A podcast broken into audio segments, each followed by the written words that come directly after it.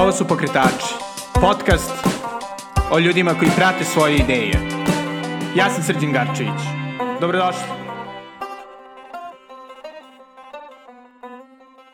Ćao svima, nazad nisam previše nedostajao ovoga divnog, toploga avgusta. E, kao nadoknadu za dugo odsustvo, e, danas dobijete malo dužu epizodu i to sa još jednim izuzetnim gostom. Danas ćete slušati moj razgovor sa Ivanom Inićem, čovekom iza forumu burek.com i projekta Moja firma, koji radi u srednji sa Telenorom, i koji me je donekle inspirisao i svakako mi služio kao neka vrsta putokaza u stvaranju pokretača. E, Ivana je jedan od prethodnih gostiju, Marija i Superbaka i Jugodoma, opisao kao pravu ljudinu, što je apsolutno istina, i moram da kažem da stoga ova malo duža epizoda svakako vredi vašeg vremena. Ove, ja sam uživao u svakom razgovoru sa Ivanom i realno mogao bih da sa njim pričam satima, jer je zaista fascinantan čovek sa veoma dobrim razmišljenjima o raznim temama, a naravno pogotovo o preduzetništvu.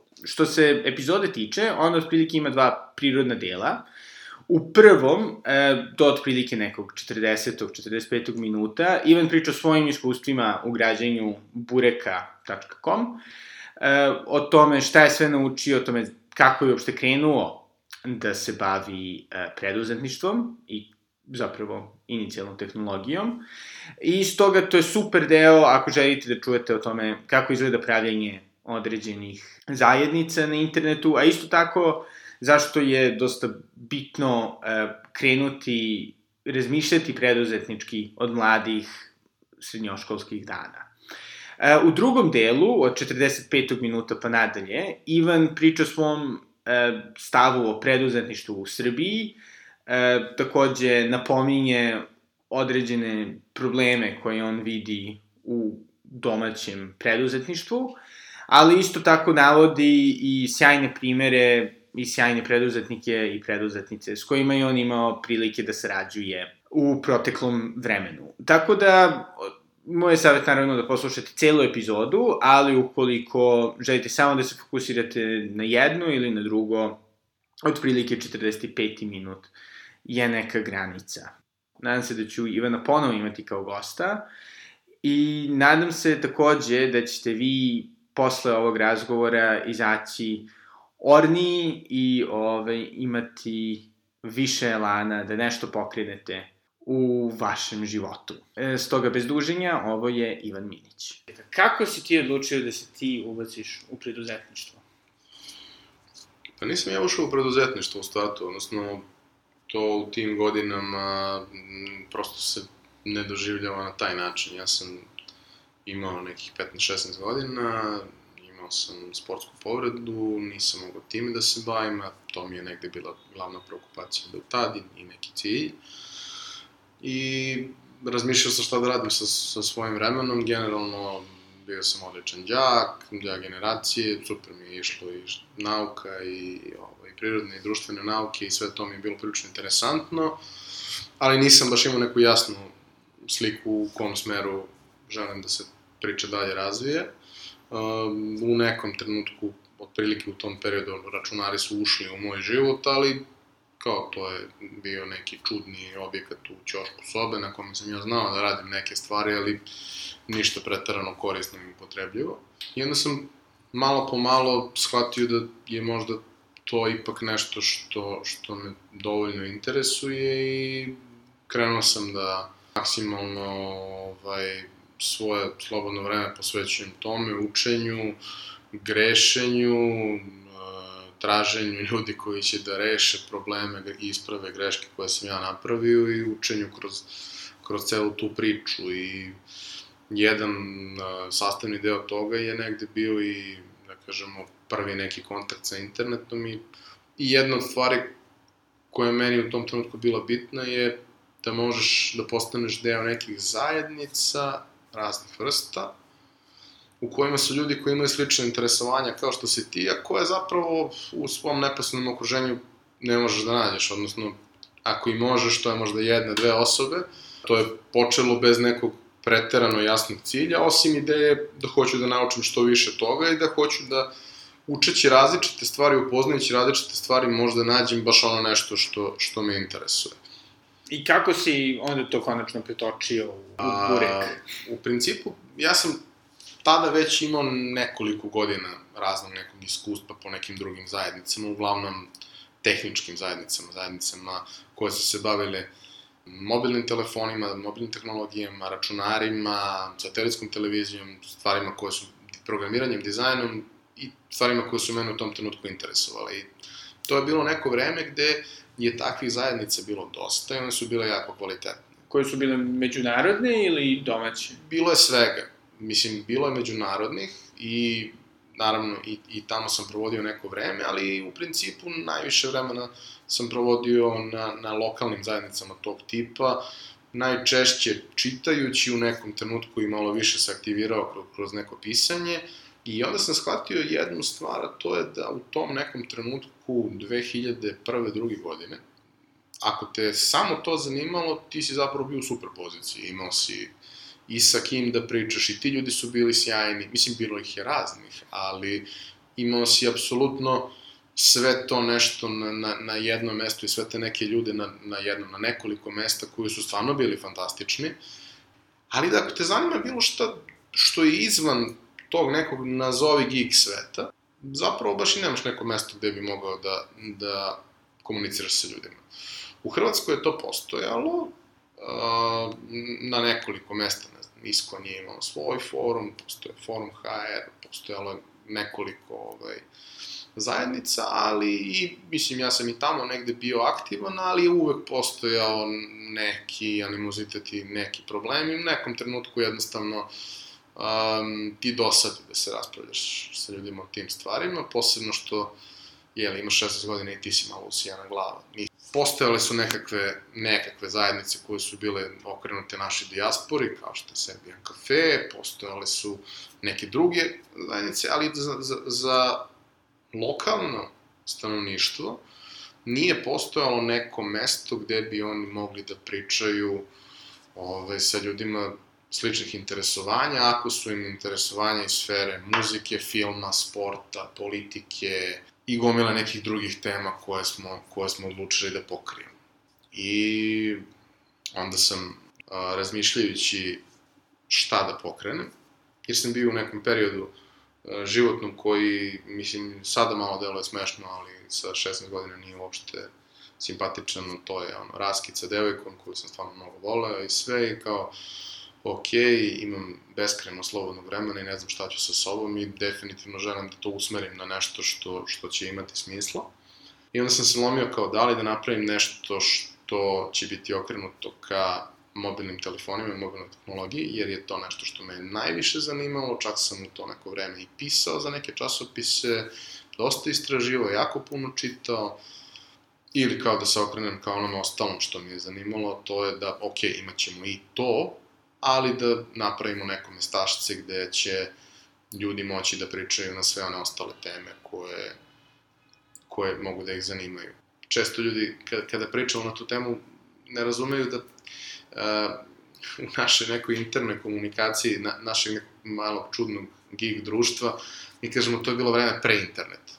Odnosno, vreme pre nego što je internet postao uh, masovno uh, u upotrebljavan, ne masovno dostupan, bio je već dostupan, ali jednostavno bilo je e, skupo, komplikovano i to nije bilo nešto što koristi neki preogroman broj ljudi.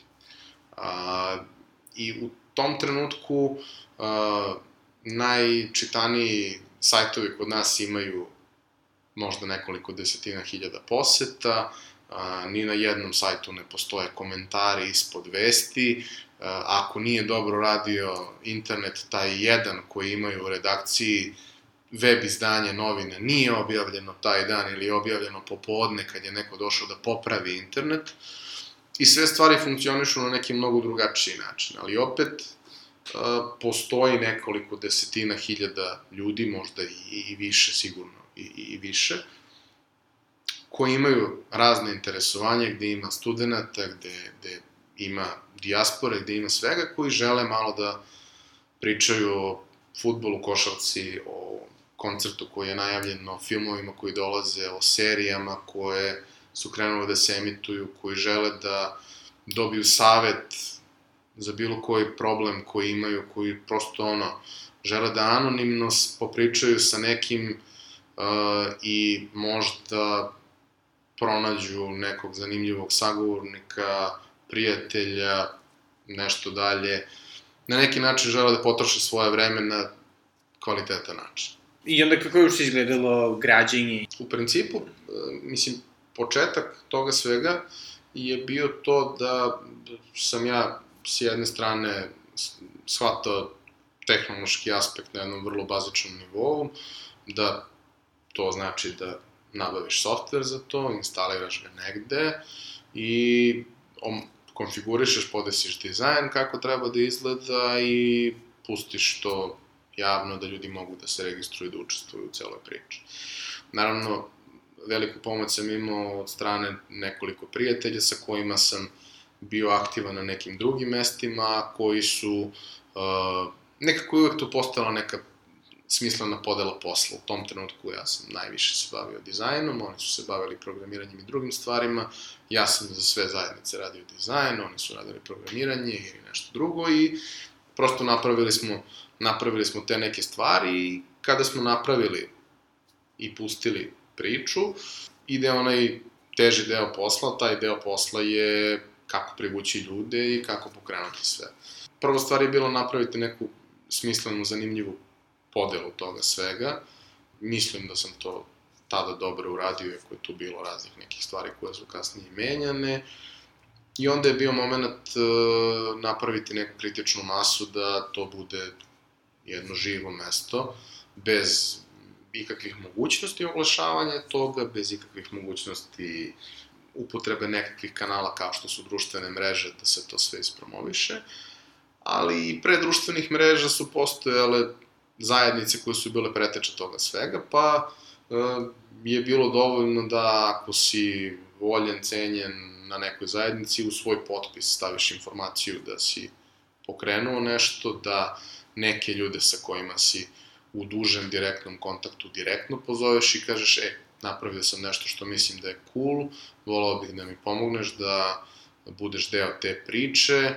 U principu, recimo, jedna od stvari koje, koje je tu uvek bila izazov je naći ljude koje zanima neka specifična oblast da se bave uređivanjem toga, jer naravno, iako sam ja napravio, ne znam, 60 oblasti, mene je zanimalo pet ili možda 10. I onda prosto iz priča sa ljudima, sa svih mogućih mreža, sa uh, tada Messengera, sa ICQ-a, sa MSN-a, sa, sa drugih mesta, polako sklopiš nekoliko desetina ljudi koji će ti pomoći, tih nekoliko desetina ljudi pošalje svojim prijateljima ako im se to svidi, sa njima radiš na način da ih zamoliš da ti daju svoju ekspertizu, da ti daju svoje znanje, uz to da ćeš se ti ponuditi i da ćeš ti uraditi pešački deo posla koji nikome nije interesantan. Meni to nikad nije bilo teško i bio sam spreman i da učim gomilu drugih stvari koje me možda direktno ne zanima, jer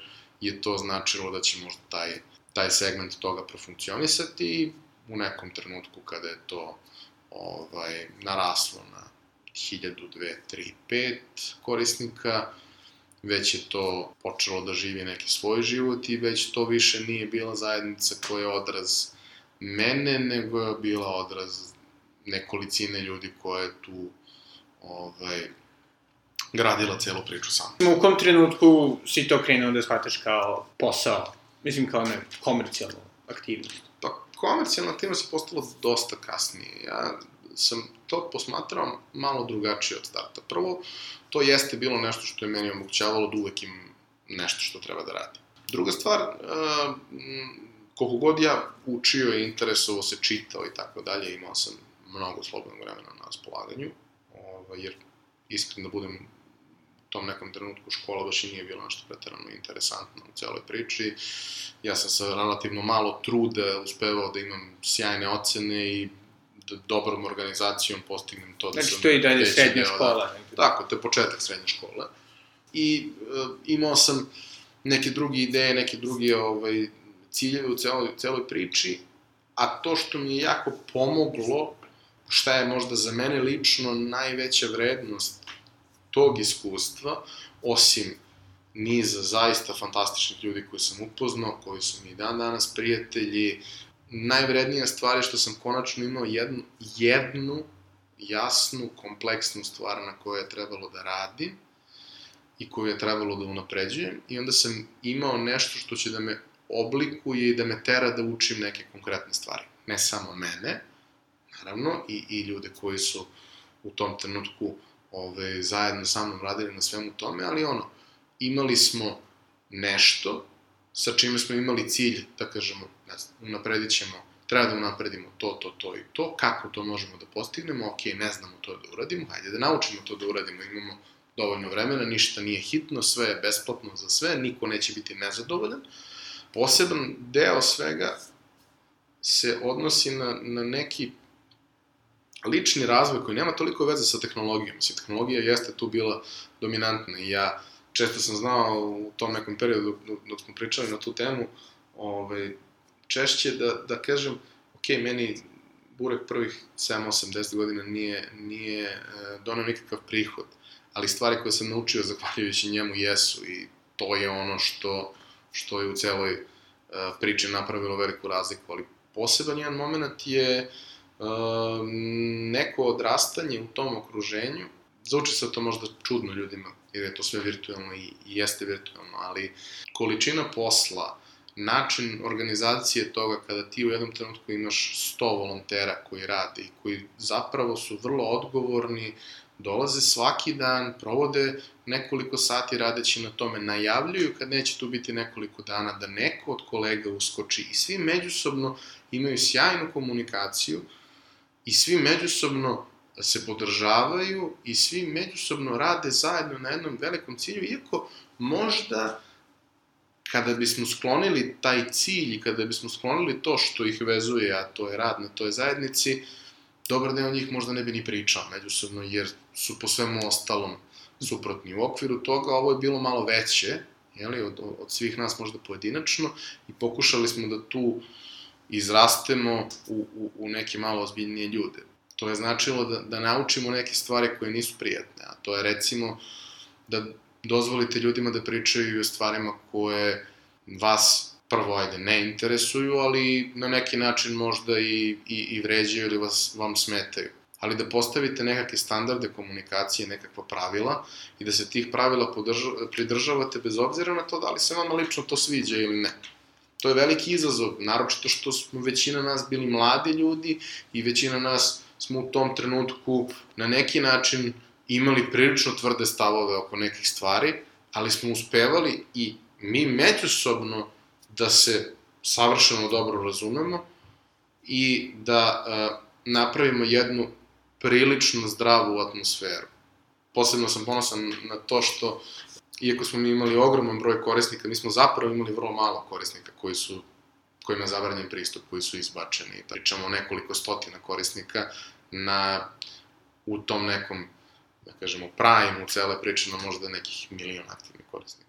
Ali sada da se vratimo na, na posao i konkretno na mentorstvo, pošto, mislim, čak i kroz projekat Moja firma, sve na neki način si ti nastavio da stvaraš neku vrstu foruma za ljude koji se bave nečim imaju određene interesovanja i da donekle im pomažeš u svemu tome. Mislim, šta te, šta te tu gura u to? Postoji jedan trenutak u mom odrastanju kad sam ja shvatio jednu jako, jako bitnu stvar.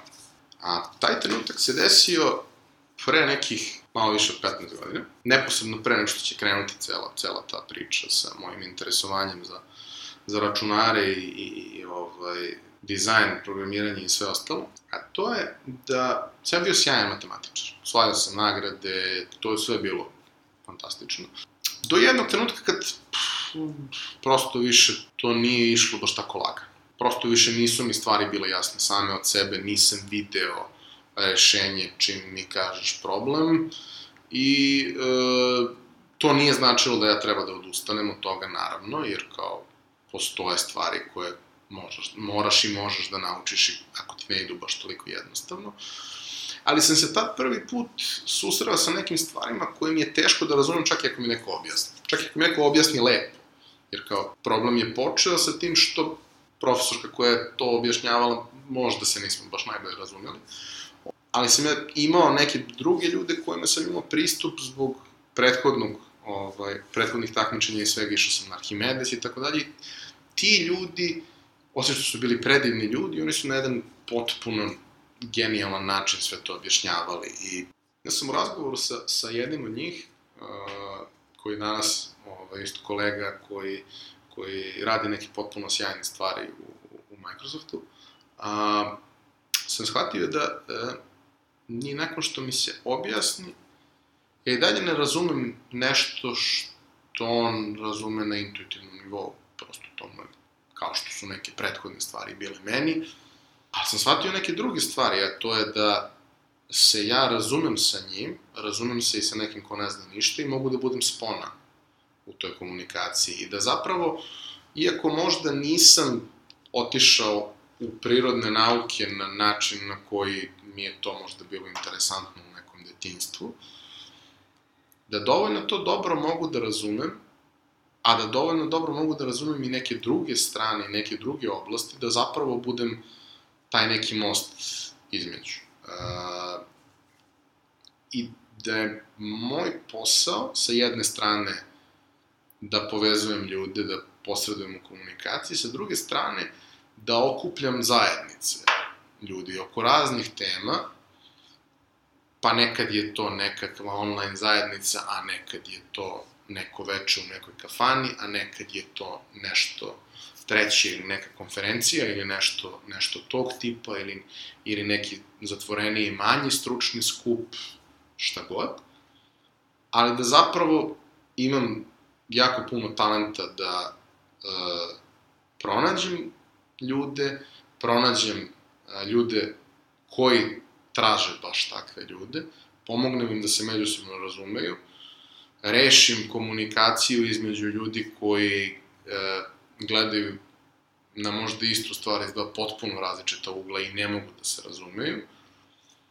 I ostao sam na neki način zainteresovan za, za to i da kažem, posvetio se, nisam ja to baš shvatio da je to tako i nisam ja to gledao baš kao nekakav posao ili bilo šta, ali to je nekako sve vreme bilo prisutno i danas se to polako oblikovalo u, u, u sve ono što danas radim. Lazar Džamić je to jednom prilikom objasnio. Ovaj, kada su ga pitali, kada je posle bombardovanja, odnosno mislim da je to bilo u vreme bombardovanja, kada su otišli u London, kada je otišao u London sa porodicom, uh, kako se snašao, jer kao ovde je bio jedan od nekoliko uh, ljudi iz, iz oblasti marketinga koji su imali izuzetno dobar status, apsolutno sa razlogom. I onda je došao na, neki, na neko tržište gde prvo, mislim, poznaje jezik, ali nije to baš tako isto. Ove, ovaj, I drugo gde se rade neke potpuno drugačije stvari, gde, gde postoje neke nove stvari za koje kod nas nismo ni čuli i gde njega niko ne zna. Nije baš da ga niko ne zna, ali ne zna ga niko. I on rekao da se zapravo desilo to da je u, u, u idealnom trenutku bio na pravom mestu i da je uh, postao uh, spona između tehnologije i marketinga. Danas se to zove marketing technologist i, da kažem, volao bih da na taj način opišem primarno ono čime se bavim. U tom trenutku to nije imalo naziv, kao i većina cool zanimanja kojima se bavim. Jel? Ona kasnije dobiju neki naziv i oblik. Ali je to značilo upravo to, da ljudi iz tehnologije, iz ljudi iz marketinga povežeš i izvučeš maksimalno iz obe stvari i omogućiš im da, da međusobno komuniciraju i da oni zajedno naprave nešto što bez tog posrednika u komunikaciji ne bi bilo moguće, jer oni se ne razumeju, pričaju potpuno različitim jezikom, imaju potpuno različite ciljeve. To je negde bila i, i moja pozicija ovde. I u nekom trenutku sam shvatio da to što me zanima dizajn, to što me zanima tehnologija, to što me zanima sve to se zapravo na kraju dana svodi na nekakav malo ozbiljniji nekakav pametni marketing. A digitalni marketing je nešto najbliže tome što, sa čime možemo da se sretnemo. Iako je on tada bio baš u, u početcima i nije bilo previše toga što, što je moglo interesantno da se radi, postojale su neke tendencije i ja sam imao sreće da ih uhvatim u samom početku, da me zainteresuju, da se razvijam sa njima, da učim gomilu tih stvari, da za mnoge stvari koje su, pa ne samo na naše tržište dolazile, ali i na naše tržište dolazile, budem jedan od pionira koji su ih radili i da samim tim a, neku priču ispratim od početka, ali da je pratim na jednom nivou koji nije samo a, istraživanje već, već viđenog i nekih posledica, već je istraživanje uzroka, istraživanje nečega u samom početku razvitka. I to me jako zainteresovalo i dan danas je to nešto što, što mi je primarno i čime se primarno bavim kroz sve stvari koje radim, ali sam ostao jako vezan za tehnologiju, jako vezan za programiranje, development, osmišljavanje stvari, samo to sada radim na, kao i management ljudi i project management, ali sad to malo radim na, na jedan drugačiji način, odnosno uh, i malo drugačije vizure sa malo drugačijim ciljem, sa malo drugačijim svrhom toga što se radi. Uh, jednostavno, uh, u jednom trenutku ne treba ja možda o tome da pričam, jer ja nisam nekakav veliki dizajner koji se za to školovao, ali postoji taj magični trenutak kad kao uh, u sebi opet prelomiš neke stvari koje uopšte nisu prijatni, nije ih lako ove, razrešiti. A to je da prvo i osnovna stvar kad radiš nešto tako, radiš to za klijenta. Dakle, klijent treba da bude zadovoljan. Nije primarno da ti budeš srećan sa tim, već je poenta da on bude zadovoljan. Ako ste oboje srećni, super. To je super. Znači da imaš klijenta koji razume, sa kojim možeš da radiš ali čak i ako niste oboje srećni, ako je samo on srećan, to i dalje znači nekakav novac, a mislim, na kraju dana novac je neophodan da bi moglo da se funkcioniše. I druga stvar, da to kao praviš nešto što je lepo, to je u redu, do jednog trenutka ti si zadovoljan time što je nešto što si napravio lepo, od nekog trenutka počinje da ti bude bitno kako to radi, odnosno koliko to e, ispunjava svrhu i cilj sa kojim si ga napravio počneš da razmišljaš malo drugačije. Onda više cilj ti je da to i dalje bude lepo, ali ti je primarno cilj da to funkcioniše, da to ima smisla. To dosta usložnjava stvari, ali na neki način je to ono što je učini zanimljivim. Rešavanje problema je nešto što je nas je dovelo kao vrstu ovde gde smo, u stvari nije nas to dovelo ovde gde smo sad, ali to nas je izdiglo od neke inicijalne priče i rešavanje problema je nešto i stalno učenje je nešto što ti omogućava da na neki način ostaneš večno mlad i večno u toku i na neki način da budeš uh, možda će to malo da zvuči grubo, ali konkurentan na nekom tržištu rada, tržištu svega, a i na kraju dana rekao sam ti, ja volim da znam kako stvari funkcionišu. Da. Iako to možda ljudima nekad nije jasno, ali ja stvarno volim da znam kako stvari funkcionišu i zašto se nešto desi. Da, međutim ono što, što je recimo vrlo često problem kod ljudi koji tako imaju prilično široka interesovanja i, i osnovno široke talente, je kako zapravo balansirati između tih stvari. Šta ti nalaziš u tome da ti je najteže?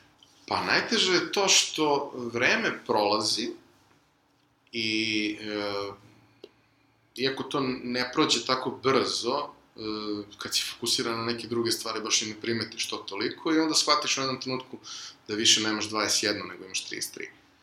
Što znači da ćeš sledeći put kad se tako ovaj, osvestiš od svega imati 45. Što već više ne može nikako da bude isto. Ovaj, ali e, jeste veliki izazov eh, organizovati sve te stvari, jeste veliki izazov odrediti prepoznati, odrediti, postaviti prioritete, a onda je veliki izazov i poštovati te prioritete, ako si ih već postavio. I jeste to sve ovaj, izazovno i kompleksno i e, ne mislim da sam baš pretarano sjajan u tome, ovaj, jer sam uspeo kao da u jednom periodu zapostavim neko svoje zdravlje, zarad nekih drugih stvari. To mi je delovalo u tom trenutku važnije nisam siguran e, sa, sa ovom pameću i iskustvom da, da bi napravio isto takvu odluku, ali dobra stvar je to kada si mlad možeš da posmetaš stvari na malo drugačiji način i uh, većina stvari koje možda nisu baš tako sjajne, koje bi uradio, ne ostavljaju posledice kakve ostavljaju kasnije.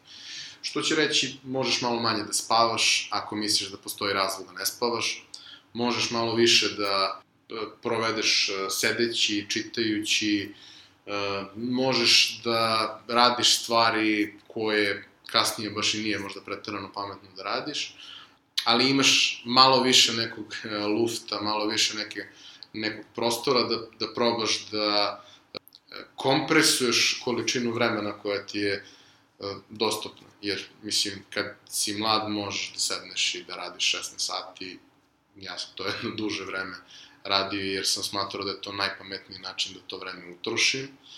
I nekako sam se vodio time e, kad, ako ne sad, neću valjda to da radim sa 35, 40, 45. Ovaj, e sad samo ispratite taj protok vremena, ispratite te neke rezultate i uh, shvatiti jednu jako važnu stvar, ovaj, a to je da nije poenta da radiš mnogo, poenta je da postigneš mnogo. A to možeš da postigneš tako što radiš mnogo ili tako što radiš malo, a radiš pametno. Ja nisam baš još uvek potpuno prešao na tu stranu, ali sam mnoge, u, mnogim situacijama sam shvatio da je moguće postići optimizaciju na, na mnogo nivoa ako odlučiš da se pozabaviš nekim konkretnim, naročito repetitivnim stvarima, da sedneš i nađeš bolje rešenje, da sedneš da potrošiš neko vreme koje kao nemaš, da ga nađeš, da nađeš bolje rešenje, da naučiš da delegiraš, da obučiš druge ljude da rade te stvari, da ih obučiš za ono što je neophodno da znaju, da ih usmeriš da uče sami dalje, da im daš motivaciju da to rade, da napraviš, uh, da napraviš sistem od nečega što funkcioniše na sirovu energiju jedne osobe. Jer to je super, ali to nije održivo. Sistem je nešto što funkcioniše po setu pravila, i može da funkcioniše bez bilo kog pojedinca i bilo koji pojedinac u njemu je zamenjiv. Možda neće da funkcioniše sa 100%, funkcioniše će sa 90%, ali neće sve da se uruši onog trenutka kad uh, izađeš iz bilo kog razloga iz te priče. Da. A u, u tvom ovaj, iskustvu, pošto, naravno, mogli bismo ovako, dosta dugo zbog tvojih raznih ovaj, e, iskustava, ali u, u, po tvom iskustvu, ovaj, u kontaktu sa domaćim, da kažem, preduzetnicima, ovaj, šta misliš da su, da su glavne odlike sposobnog preduzetnika u, u lokalnom kontekstu? Pa, mislim da generalno e, kod preduzetnika postoji taj neki predatorski instinkt za preživljavanje za rešavanjem problema, nalaženjem rešenja gde ih nema, nalaženjem načina da ako problem ne može da se reši, se zaobiđe na neki način i slično.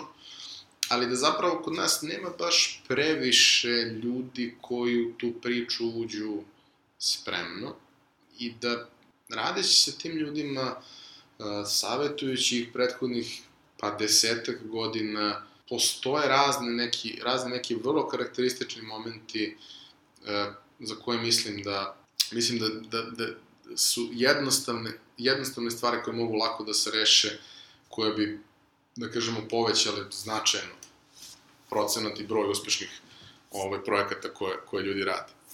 Tamo negde, kada sam malo ozbiljnije ušao u, u priču marketinga i, i, i krenuo, osim što sam učio i da radim na tome, uh, sa nekoliko prijatelja napravio se neki dogovor da ćemo, koliko nam vreme dozvoli, situacija, posao, kasnije i neke porodice i sve što uz to ide, sve ono što čini jedan život, ovaj, da ćemo odvojiti neko vreme da saslušamo te neke ljude koji imaju problem kojim mi to možda možemo da rešimo.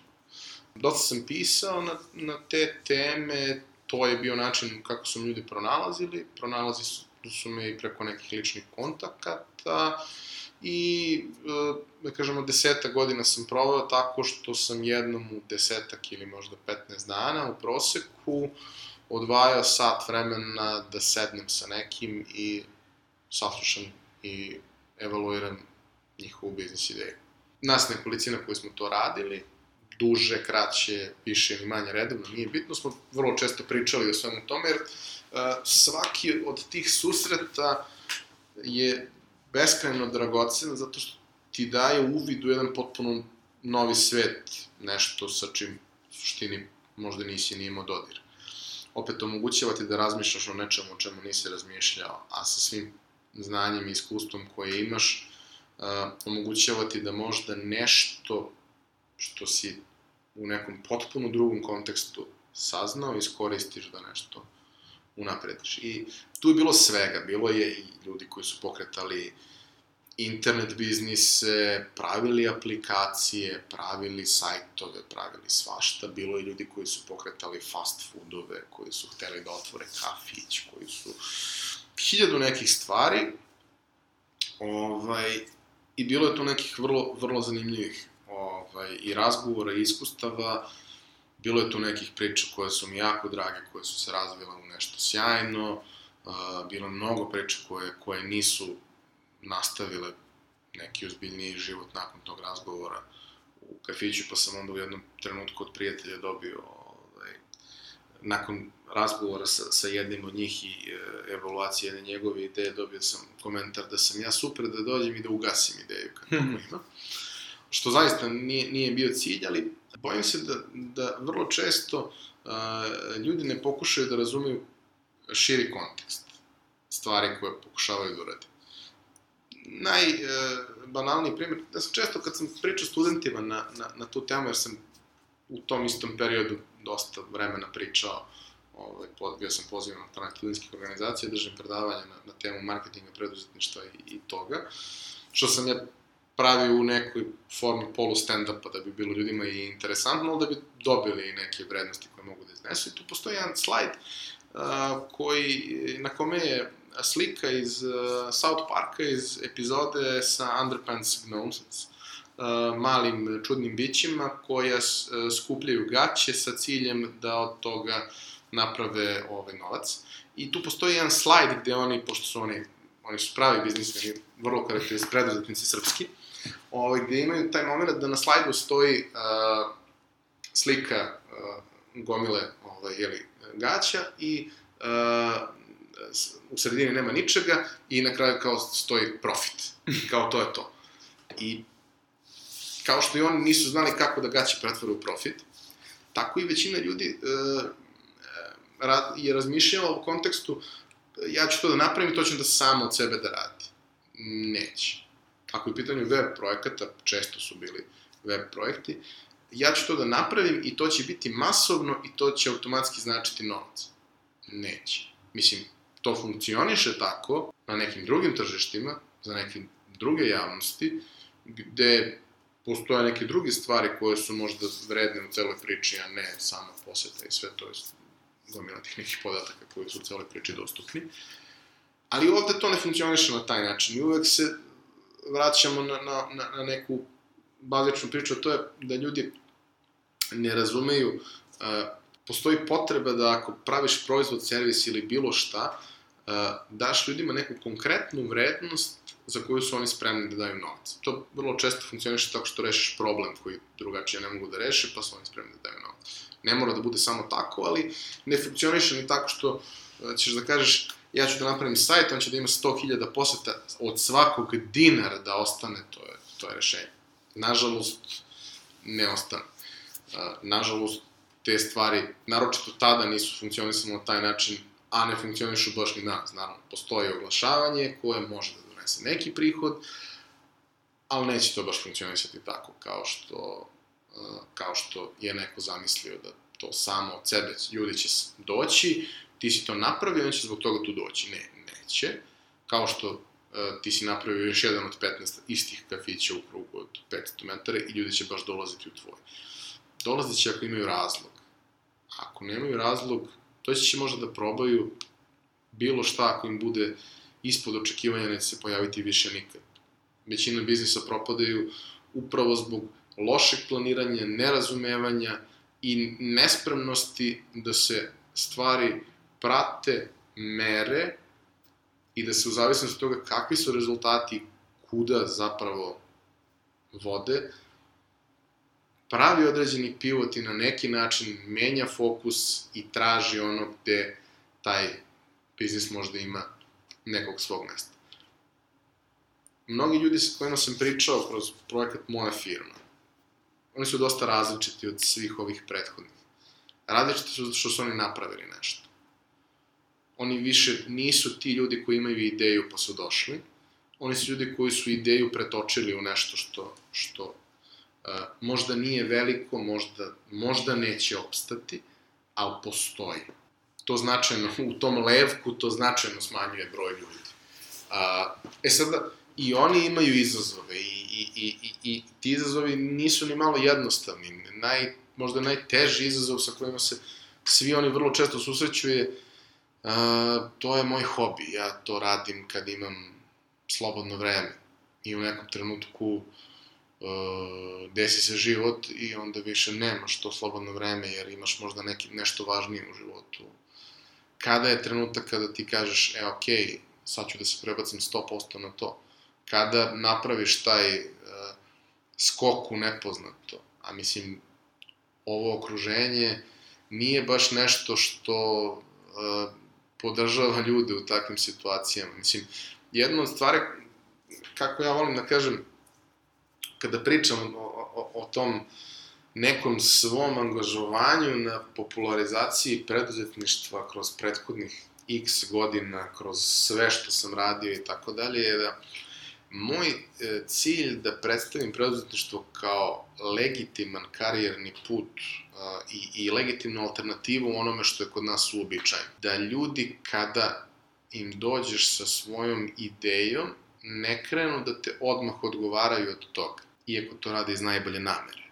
Većina ljudi to radi iz najbolje namere.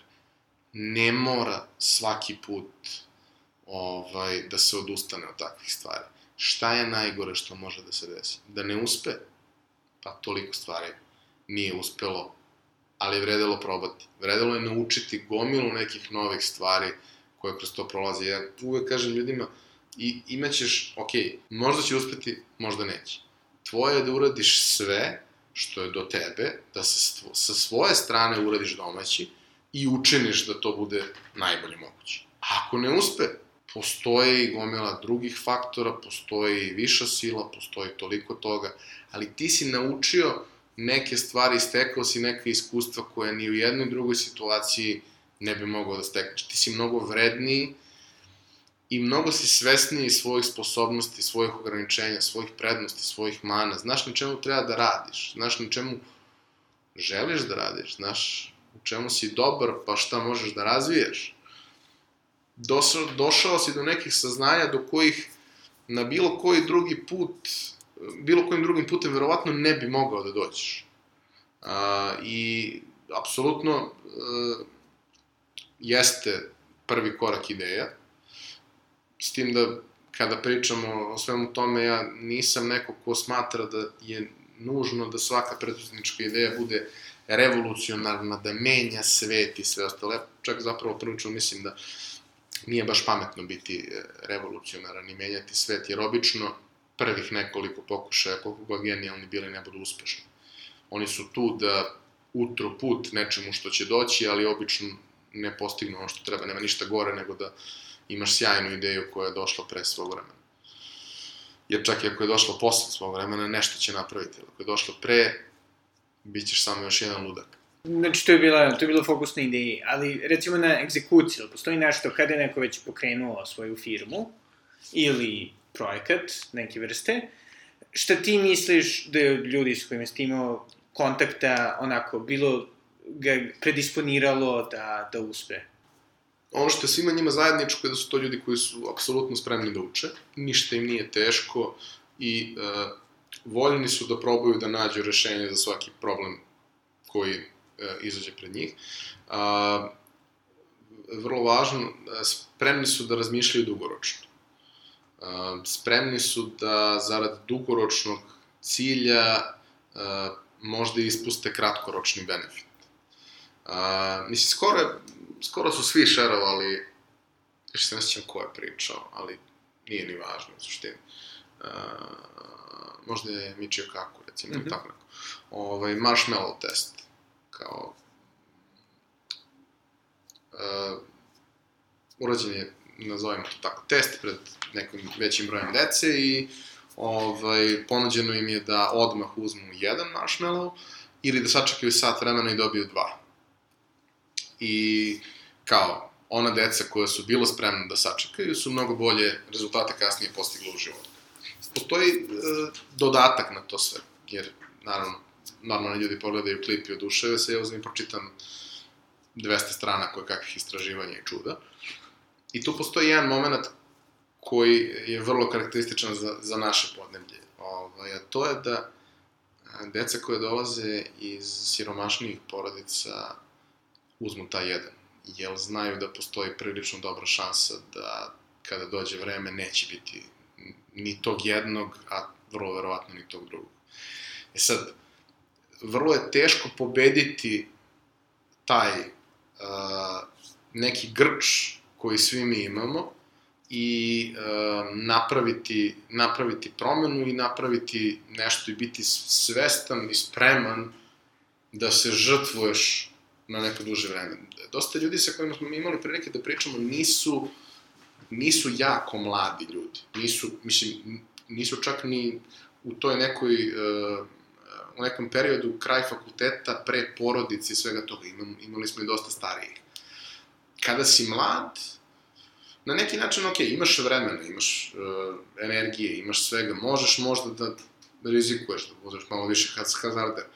Kad imaš porodicu, ne možeš. Kad imaš porodicu, onda moraš ipak da razmišljaš o nečemu malo sigurnijem, jer više nisi sam. I taj balans je nešto što, što je jako teško postići. Taj balans i uz to sve uklopiti sve neke izazove koje, koje što nosi sa sobom. Uh, pritom, iskreno, ovaj, iako to nije nešto preterano popularna tema ovde, naročito što ovaj, u javnom diskursu to vrlo često ima jako, jako negativan kontekst, ali uh, moram da razočaram ljude, uh, ovde uopšte nije loša klima za to. Ovde je loša klima na nivou toga što kažeš porodici da hoćeš to da radiš i onda oni uh, skupe kompletnu familiju da te odgovara sedam dana, ali što se tiče nekih uh, okolnosti za, za sam razvoj poslovanja, uh, ovde je relativno ok, stvari su dostupne, mnogo ljudi koji sa kojima smo pričali je dobilo i, i, i, i razne neke vidove podrške kroz ceo taj razvoj i pritom mislim da, bilo bi sjajno kada bi država malo više radila na tome, ali ja nisam neko ko misli da država mora nužno da se bavi takvim stvarima, bilo bi lepo. Ali postoje i razne, razne drugi načini da se na neki način ovaj, ta priča pokrene. Vrlo često kada opet pričamo sa ljudima koji imaju ideje koji nisu krenuli u realizaciju, ali imaju grandiozne ideje, uh, priča se o tome kao, ok, zašto, uh, ja ću to da stavim na papir, to je super ideja, to, to je ideja koja vredi milione, uh, ti samo treba da mi pomoćeš da nađem investitora za tu ideju. Samo. Ok, samo ili ne samo. Činjenica je da uh, novca za takve stvari ima, nema ga možda ovde toliko dostupno kao što je negde drugo, ali i dalje postoji ovaj, sasvim dovoljno. I na kraju dana, ako je to nešto što stvarno verujete, uh, otići ćete tamo gde ga ima, pa ćete ga nabaviti. Mislim, bilo je mnogo ovaj, takvih primjera ovde ranije, ali uh, tu vrlo često dođem u taj jedan clash da ja kažem, ali ja ne mogu da kažem nekome da investira u nešto što ja prvi ne bih investirao. Jer iz nekog razloga smatram da nije dovoljno dobro, kog god, nije, nije važno, ali uh, kod nas su ljudi masovno, posebno ljudi u, IT-u, gde naravno postoje i mnogo viši životni standardi, visoke plate i tako dalje, generalno postoje dosta novca na raspolaganju i postoji gomila investicija u razne vrste proizvoda gde se ti pitaš zašto pobogu, a onda se za dobar deo njih ispostavi da to ima nekog smisla, a opet za značajan deo se ispostavi da nema nikakvog. A, ljudi ne shvataju da to, da niko njima neće da da novac da se oni igraju sa njima. Odnosno hoće, ako su pokazali da se jako dobro igraju, dobit će novac da se igraju. Ali da u principu, posebno u to, na tom nekom niskom nivou gde to opet daju nekakvi ljudi koji nemaju beskonačno novca, oni ipak vode računa i očekuju neke stvari. I da um, vrlo često, uh, što je neko i moje lično iskustvo, ja sam svoju investiciju dobio prvu sa, sa 22, nepune 23 godine, um, i nisam to baš razumeo ta, na taj način, ali sećam se reči uh, mojih partnera na tom projektu, dvojice potpuno, potpuno sjajnih ljudi, koji su mi rekli, a, nama nije baš 100% jasno š, kako si ti ovo zamislio i kuda to sve deluje nam da ima smisla, ali a, deluje da si ti neko ko će da da 200% sebe i ti si razlog zašto smo mi spremni da te novac damo. I okej, okay, oni se nisu pokajali. Moglo je da se desi da to ne uspe, ali opet, bili su sigurni da ja taj novac neću iskoristiti da odem da kupim Ferrari, iako ne kažem da možda u tim godinama ne bih volao da ga imam, već su bili sigurni da ću ja to uložiti na najpametniji način što, što znam i da ću to uraditi najbolje što mogu i da ću dati apsolutno sve od sebe da to uspe. I njima je često to dovoljno dobro na nekom višem nivou, naravno, bitno je da taj i sam proizvod ima smisla, da taj proizvod ima potencijala. Ako pravite nešto što može da se skalira, a vrlo često kao kad pričamo o, o, o IT startupima, njihova najveća vrednost jeste upravo to što se vrlo lako skaliraju i mogu da sa hiljadu odu na milion korisnika bez nekog preteranog napora. Nije to baš tako, ali u suštini jeste, ne mora ništa da se sruši pa da se zide nešto mesecima i mesecima, verovatno treba da se neki deo, kažemo, samo koda adaptira, ali sve je to sad mnogo lakše i mnogo dostupnije nego što je bilo. Ovaj, ali to ne mora da bude vezano samo i isključivo za IT, to može da bude vezano i za gomilo drugih stvari.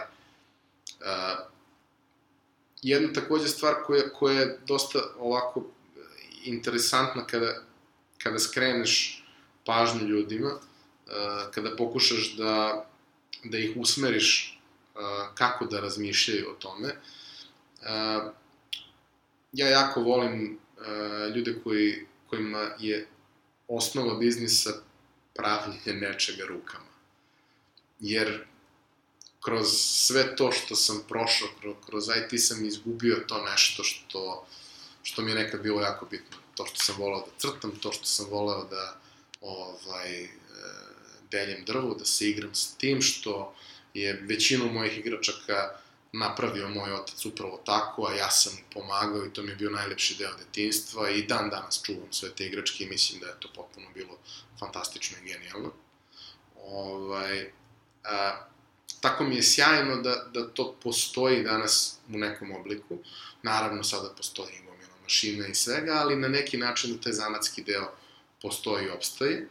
A, I tu kada pričamo, ljudi često a, imaju blokadu jer misle, ok, ja pravim nešto, to nešto je meni zanimljivo, ali nema ljudi ko, još kojima je to zanimljivo.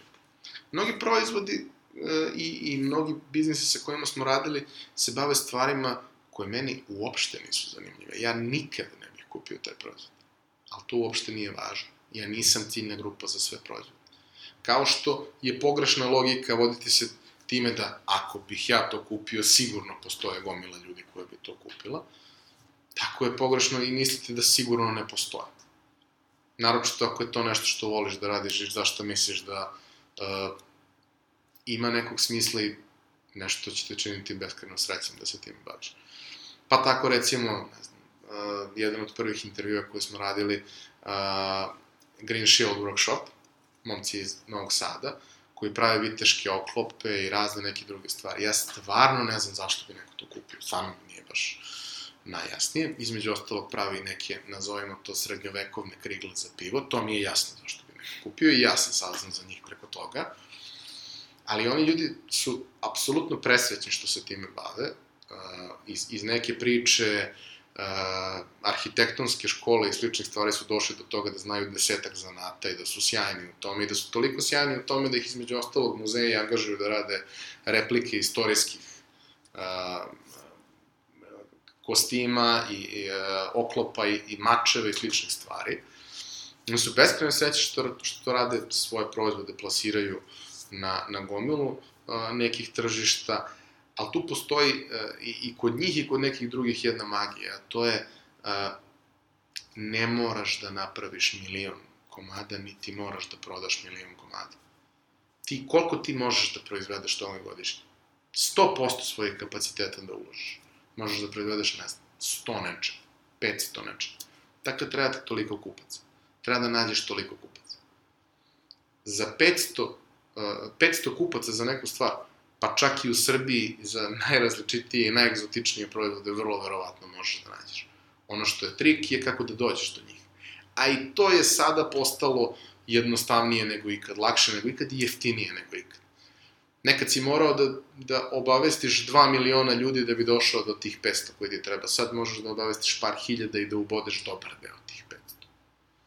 Jednostavno, stvari su uz internet oglašavanje, koje je upravo zbog toga nešto što mi je toliko interesantno, postale ljudima mnogo dostupnije i to su neki, neki, neki momenti gde kao shvatiš da uh, ti ne trebaju stotine hiljada kupaca i da glavni argument tvoje porodice koja ti kaže da ne treba to da radiš je nema ko to da kupi, gde ćeš da nađeš, gde ćeš da nađeš hiljadu ljudi koji su da kupe, ne treba ti hiljadu ljudi. Treba ti 500, treba ti 100. Za neke stvari ti treba, za neke masovne stvari ti treba, apsolutno, zavisi i od toga koliko to vredi ljudima, koliko su oni spremni da plati i tako dalje, ali nije nužno razmišljati o tome kao uh, milionskoj proizvodnji, svega toga, kad je milionska proizvodnja u pitanju, teško da ćemo ikad da budemo konkurencija Kini. Ali postoje stvari koje oni tamo možda i umeju da naprave, ali nemaju ideju.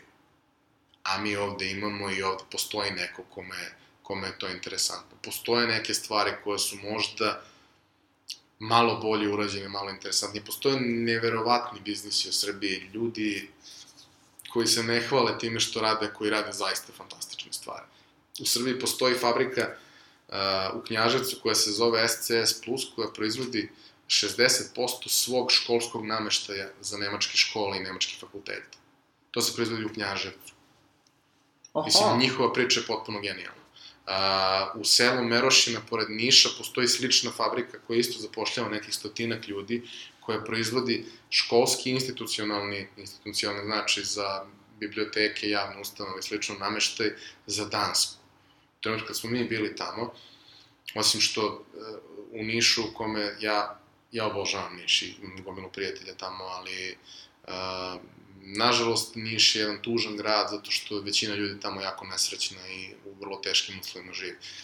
Većina ovih mojih ne, jer smo svi na neki način iz IT priče, ali svi oni ostali su u problemu. I onda uđeš u fabriku od sto nešto ljudi, koja je takva da možeš da jedeš sa poda, a proizvodi se nameštaj.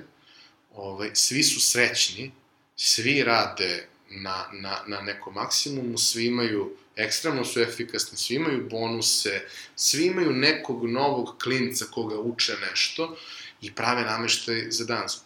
I u trenutku kad mi ulazimo u fabriku, prolazi nešto ogromno, obmotano nekim celofanom i ja pitam, mislim, pošto znam da proizvode stolove, stolice i tako te stvari, šta vam je ovo? Upravo smo završili šank za srednju školu na Grenlandu. I on je umotan i on ide u kamion, pa u neki avion i stići će iz Merošine na Grenland. Nema mnogo takvih priča. Iz nekog neobjašnjivog razloga u nameštaju i baš ima dosta. Ali, e, postoje takve priče. I e, postoji gomila nekih sjajnih stvari koje ljudi rade online odavde, koje, gde prave neke sjajne proizvode, gde, ne znam, dvojica mojih prijatelja, jako dragih iz, iz Novog Sada je napravila uh, Active Collab, jedan od najboljih project management alata koji ja lično obožavam da koristim od prvog dana, oni 10 godina slave ove godine. To je software koji koristi Apple, koji koriste skoro svi od uh, 500 top univerziteta, koji koriste je ekstreman broj jako velikih kompanija uh, koje za svoje uh, male timove i srednje timove unutar kompanije koriste to kao najbolje rešenje za management softvera. To je firma koju je napravilo troje ljudi. Mislim, napravilo je dvoje ljudi, ali troje ljudi je radilo na, na prvoj verziji proizvoda koja je bila apsolutno sjajna. Ta firma i danas nije preterano velika, niti se oni nešto mnogo hvali, niti mnogo može da se čuje njih, kao opet rade, rade fantastične stvari. Uh, postoji gomila nekih zanimljivih primjera koji uh, nam pokazuju da, da može, da sigurno nije jednostavno, ali da e, ja nekako verujem da u životu ništa od stvari koje su stvarno vredne nisu jednostavne i vrlo redko sve funkcioniše perfektno od početka do kraja. Mislim, često ovaj, pričam ljudima da sa većinom ljudi koji su mi sada najbliži prijatelji, ja sam u nekom trenutku, što možda pripisujem i tome što nisam baš najjednostavniji čovjek na svetu, ovaj, u nekom trenutku sam imao konflikt koji uopšte nije bio bezazlan. Prevazišli smo ga, postali smo najbolji prijatelji. Dan danas je to, to su, to je najveća vrednost mog života, tih 7-8 ljudi koji, koji su oko mene.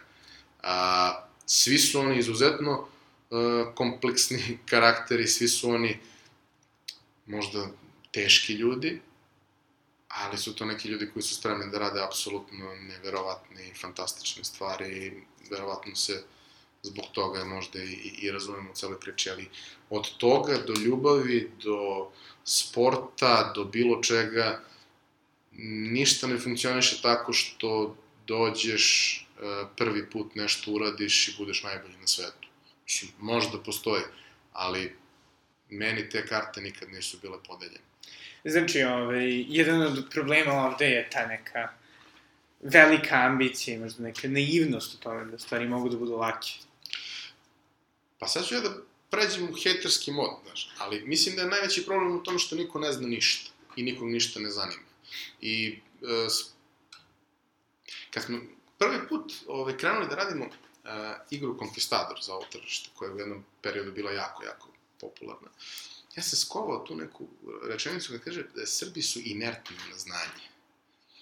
Jer, e, količina truda, koji, naravno, to je mislim, preterivanje i nema nikakve veze sa, sa Srbima, to je neka generalna, ovaj, generalna karakteristika nas kao vrste, ali ima malo i mentaliteta i svega toga, ne možemo baš to da ignorišemo. Ovaj, ali ljudi su spremni na neverovatan napor samo da ne nauče nešto. Samo da nađu drugo rešenje.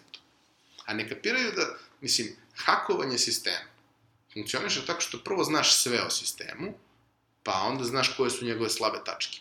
Ne ideš na silu da tražiš te slabe tačke, na slepo, nego pokušaš da ih nađeš kada već znaš gde bi one eventualno mogle da budu. I a, poznavanje stvari je nešto što je jako važno. I dan danas najviše na svetu volim kad nađem neku stvar za koju se zablentavim, provedem vikend čitajući, gledajući dokumentarce, učeći nešto novo i užasava me to da kada upadnem u takav neki ovaj, hrčak mod, a, mnoštvo nekih ljudi a, u, u mom okruženju koje izuzetno volim i koji su sjajni, divni ljudi, na moju konstataciju, danas sam pročitao dve knjige o tome i pogledao dokumentarac me pitaju zašto? Šesto strane dnevno ne mislim da treba biti baš toliko ekstreman i svakako ne svaki dan, ovaj, ali mislim, ako čovjek može da postigne, Što da ne? ovaj, mislim i to ustajanje ujutru i leganje kasno, ne znam, kratkoročno sigurno ima nekog smisla, dugoročno ne verujem da je ovaj održivo, Ali da, kao, e, zaista verujem u to da je znanje jedina stvar koju vam niko ne može oduzeti, da ne postoji apsolutno ništa, koliko god se ja šalio na temu da sam ja master of useless knowledge, ne postoji ni jedno znanje koje je beskorisno. I e, u, u nekim potpuno neverovatnim životnim situacijama stvari koje sam pokupio uspod su mi značile i napravile drastičnu razliku uh, u nekom prvom utisku, u nekoj percepciji, doneli me neke potpuno sjajne stvari, a da nisam tako lud ko što jesam, verovatno nikad ne bih ni pomislio da možda je to nešto u što treba da se uputi. Uh, ja sam kao uh, od uvek nekako verovao da je jedna od karakteristika ono našeg naroda taj moment da uh, kupiš video rekorder i probaš da ga povežeš bez da si pročitao uputstvo, jer kao, zašto? To je za budale napisano. Ja verujem da e, treba ići onim nemačkim principom, jel? da uputstvo postoji razlog zašto postoji i da ga treba pročitati i da, mislim, u, u, u IKEA društvu sve što treba da uradiš je da pogledaš kako i da ne pokušavaš da budeš previše pametan. Te stvari da trebaju da se ostave za neke situacije gde to stvarno može da napravi razliku. A sve ostalo, da prosto uh, ne treba izmišljati toplu vodu, ali ono što, što mislim da je jako važno i to posebno u ovom nekom preduzetničkom kontekstu, rekao sam da ne verujem u to da svaka ideja mora da bude revolucionarna, da menja svet i sve ostalo. Ali što više sjajnih stvari znate i što više dobrih ideja čujete, vidite, što više uspešnih biznisa upoznate na neki način, upoznate se sa time kako funkcioniše. Naći ćete nešto što će vam možda promeniti život. Zašto, to, zašto to kažem? Kod nas postoji taj moment uh, da ljudi vide biznis koji je uspešan, ja sad da napravim to isto. Komšija ima kafić sa tim i tim, ja ću napravim isti takav kafić. Ovi proizvode, ne znam, domaće kiflice, ja ću isto to da napravim. Nije poenta u tom. Mislim, okej, okay. sve što možeš da postigneš time je da upropastiš posao i njemu i sebi, pošto verovatno nema prostora za oba, veće su šanse da će on da opstane, pošto ima malo više iskustva i ima uh, i, i know-how i nekakav akumulirani možda i kapital i sve, ako imaš kapital, možda ćeš da ga pojedeš u celom procesu i ok, to je možda, ne, ne mislim da to je dobro, ali kao, ok, dešava se u poslu. Ali ono što, što mislim da je ključni moment je da napraviš uh, sponu opet između neke dve stvari, a to je da uzmeš nešto jedinstveno i sjajno od jedne ideje i primeniš je na svoju. I napraviš nešto novo ne mora ni da bude toliko revolucionarno, nije, nije bitno. Vidiš negde, putuješ po svetu, sada je to mnogo dostupnije nego što je bilo. Putuješ po svetu, vidiš nešto i kažeš, ok, ja bih to da probam kod nas. Moraš ga prilagoditi, vrlo verovatno, jer neće baš tek tako funkcionisati možda ovde u nekom procentu slučaja, jel? Ali imaš mogućnost da napraviš nešto, nešto što uh, se bazira na nečemu. A opet i, i kompajliranje različitih stvari uh, kompiliranje različitih stvari u jednu novu je potpuno legitimna stvar. I uh, potpuno je u redu što postoje domaće kiflice i oni su carevi ja njih mnogo volim meni je to sve genijalno. Ali ne treba da postoji 16 takvih biznisa. Ali kad su oni krenuli, bili su sa tim prilično jedinstveni, održalo ih je to što su napravili sistem, organizaciju i sve ostalo. Ja kad sam otišao, ja sam bio u fazonu, to to troje ljudi prave na gajbi, to je sigurno skroz simpatično sve i shvatio da je to firma od 40 zaposlenih koja radi kao fabrika, ovaj, u kojoj se sve radi ručno, gde je sve zanat, ali je neverovatno sinhronizovano, organizovano i tako dalje, jer eh, moj dragi sada prijatelj Miloš koji je to napravio, čovjek inženjer, samo na taj način ume da razmišlja.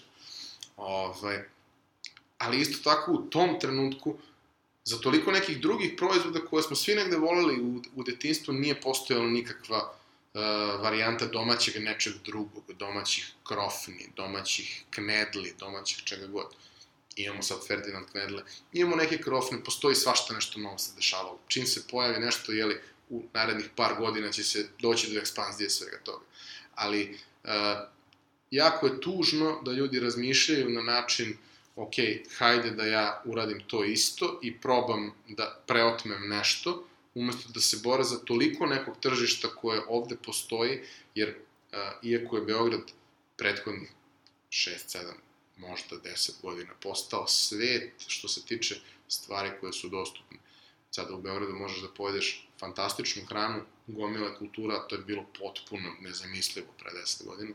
I dalje postoji tržište od 2 miliona ljudi koji možda nisu baš najplatežno sposobniji na svetu, ali i dalje postoji apsolutno prostor, jer opet šta god da praviš, ne praviš milione toga, praviš neku manju količinu. Pa postoji prostori za proizvod koji nije skup, ali je, ali je kvalitetan i interesantan, kao što su Ferdinand Knedle. Postoji prostor za proizvod koji je 200 metara dalje, koji je neuporedivo skuplji, ali je možda i jedan kvalitetnijih na svetu ili u Evropi kako god koji se zove mandarina. Postoji e, opet 300 metara dalje e, prostor za sladoled koji košta mnogo više kugla nego što košta nekakav pupovni sladoled, ali onog trenutka kada ga probate potpuno vam je jasno zašto. I tako dalje, i tako dalje, i tako dalje. Dakle, postoji mnogo toga uh, sjajnog što ovde može da se napravi, postoji način da se dođe do tih ljudi, ne treba biti previše u strahu, ali treba se što više informisati o svemu, treba pokušati imati što bolju sliku i e, treba pokušati planirati sve te stvari koje, koje slede. Dok ih ne proživiš prvi put, a i posle prvog puta obično nije dovoljno, ne možeš baš da isplaniraš sve, ne možeš baš da znaš sve unapred. Ali imaš neki plan, ne, ne, neće ti biti promašaj 100%. Što više iskustva imaš, to će ti biti bolji educated guess. Pa ćeš manje da grešiš. Mm. Ali ćeš napraviti sebi nekakav plan, moći ćeš nešto da ispratiš, moći ćeš nešto da izmeriš, moći ćeš nešto da unaprediš. I konstantno ćeš se razvijati, konstantno ćeš učiti, konstantno ćeš se unapređivati i stvari će u jednom trenutku postati dovoljno dobre. E sad, nekome je to dovoljno. Meni nije, ja ću uvek pokušati da ih oteram još jedan nivo dalje da budu sjajne, jer želim da stvari koje radim budu sjajne, ali potpuno je okej okay biti dovoljno dobar. Potpuno je okej okay biti bolji nego što si bio. Ono što je nedopustivo je da napraviš nešto što je sjajno i da onda to ispustiš time što ćeš prestati da vodiš računa, prestati da ti bude stalo i od proizvoda koji je sjajan napravit ćeš proizvod koji je prosečan, a nakon toga ispod prosečan. A to je nešto što se kod nas nažalost, relativno često dešava. Da, i sada da, da ovaj, završimo, iako bismo mogli ovako dugo, dugo, i nadam se možda da ćemo da imamo priliku. Ovaj, šta bi recimo sada voleo da kažeš sebi sa, na početku, ono, gimnazije, što se tiče posla, šta bi voleo da si tada znao? Što sada znaš? Pa ništa, mislim da je ovaj put koji sam prošao, iako nije ni malo bio lak, ti jednostavan, e, prepun nekih potpuno sjajnih iskustava, prepun nekih situacija u kojima e, moraš da pobediš sebe da bi mogao da napraviš nešto drugo, jer kao početak je uvek da pobediš sebe, pa onda možeš da pobeđuješ neke druge. E, ja sam bio introvert, mislim i dalje sam introvert, ali u nekom periodu odrastanja je to bilo prilično onako, prilično mi to sve smetalo. Ovaj, I bilo mi je jako teško da pobedim te neke stvari. Onda sam shvatio da je to nešto što se trenira. Mislim, nije svakome, naravno, ali da u mom slučaju to možda nije baš toliko komplikovano i teško i da to može da se izvežba. Može da se dostigne neka kondicija, neka, neka vrsta ovaj, a, psihičke spreme, ako ćemo to tako da nazovemo. I e, jedna od prvih stvari na kojom sam zapravo krenuo da radim je bilo to, kao, od toga da ti nije problem da priđeš devojci i kažeš da ti se dopada, pa dogomila nekih drugih situacija u životu. E, to je teško, ali to je jedna od stvari koje pobediš i nakon toga si neuporedivo, neuporedivo kvalitetniji, kvalitetniji čovjek. Ja zaista verujem Uh, možda sam neke stvari mogao da radim pametnije, možda sam u nekim situacijama mogao manje da se sapletem, možda je moglo manje nešto da boli, ali nije, nije to sve zajedno uopšte bilo toliko loše. Mislim da uh, je to bila jedna vrlo, vrlo zanimljiva priča, jedno vrlo zanimljivo iskustvo i ne bih ja tu ništa preterano menjao, posebno što uh, ja nikad nisam želao da odem odavde.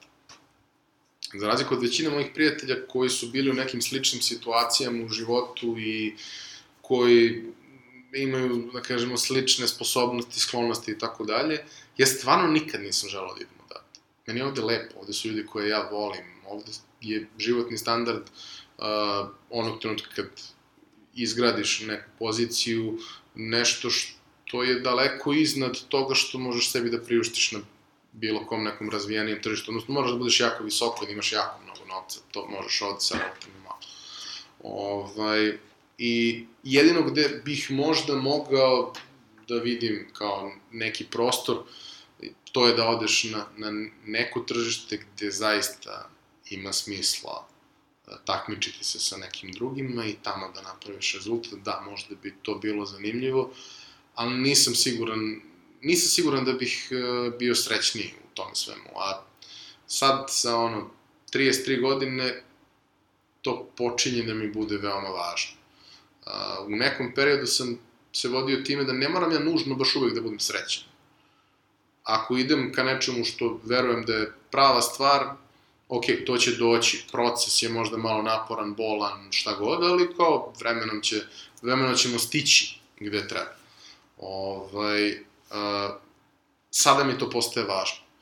Sada mi prija to što uh, neki potpuno sjajni ljudi uh, misle za mene da nisam loš u, u tim nekim stvarima koje radim, da tako kažem.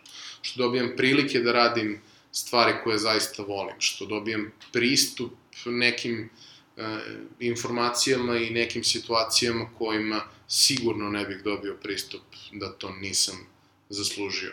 I to je nešto, to je nešto što me vodi. Uh, da li bih volao da sam nastavio da trčim za nekom loptom negde? Pa sigurno da bih to više volao od svega ovoga, ali to nije bilo realno, to je u jednom trenutku postalo potpuno nedostupno i celoj toj ove situaciji kad uzmem u obzir da je ovo backup nije loše ispalo. Uopšte, uopšte. Hvala puno Ivane. Jel imaš nešto bih htio da dodaš? Ne, samo bih htio da kažem da mi je sjajno ovo što radiš, da sam ispratio priču ne ovo od samog početka jer su tu bili neki ovaj, moji dragi prijatelji i uh, da je ovo jedan primer kako svako od nas može da napravi jednu malu promenu koja će vremenom ovaj, napraviti veću promenu u društvu. Svako ovaj, od nas na neki način pokušava da nešto izgradi, svako od nas ovakvih malo čudnih, posebnih, ovaj, pokušava nešto da izgradi i pokušava da utiče na neki mali broj ljudi, verujući da će u nekom trenutku to pokrenuti lavinu talasa, šta god i da će se to raširiti. Ja smatram da je to jedini način da se nešto uradi. Ja sam potpuno svestan toga da ne postoji škola, ne postoji zakon, ne postoji ništa što će ovo društvo oporaviti za, za dan, godinu, pet. Ali da su svaki, da je svaki ovakav pokušaj jako značajan i da dugoročno, ukoliko opstane, a ja te molim da opstaneš, ovaj, a, može da napravi razliku i može da, da akumulira jednu količinu fantastičnih informacija i e, da utičem na jedan opet mali broj ljudi, nek je nekoliko, nek svako od nas pokrene još nekoliko nekih ljudi, vremenom će se skupiti kritična masa koja će napraviti neku promenu u društvu. Ja smatram od uvek da, da su mali ti koji, koji prave razliku, jer a, e, sve velike i uspešne priče, one su sjajne i ja mnogo volim što, što u Srbiji postoji Nordeus ali Nordeus je udar groma. Uh, ne mislim da grom neće udariti dva puta u, u isto mesto, možda hoće, ali uh, jedan Nordeus ili 100 malih priča koje zapošljavaju nekoliko desetina ljudi, razlika je drastična. To je razlika koja može da, da ovo društvo oporavi, to je ono gde zaista pojedinac, koliko god mislio da je mali i beznačajan, može da napravi razliku. Neki jedan klinac krene da radi nešto cool sa svojim životom nakon ono neke odslušane priče, to uopšte nije malo, to uopšte nije beznačajno. A jednog dana kad ti neko od njih priđe, što se meni par puta u životu desilo, osjećaš se kao da te udario voz, ali pozitivan voz. pa nadam se da, ovaj, da će, da me, da me brze pruge Srbije, ovaj, pregaze uskoro. ok, hvala puno. Hvala. I to je bio Ivan, nadam se da ste uživali, kao što rekoh, nadam se da vam je ovo, da će vam ovo poslužiti kao inspiracija za neke buduće poduhvate i do sledećeg slušanja, doviđenja.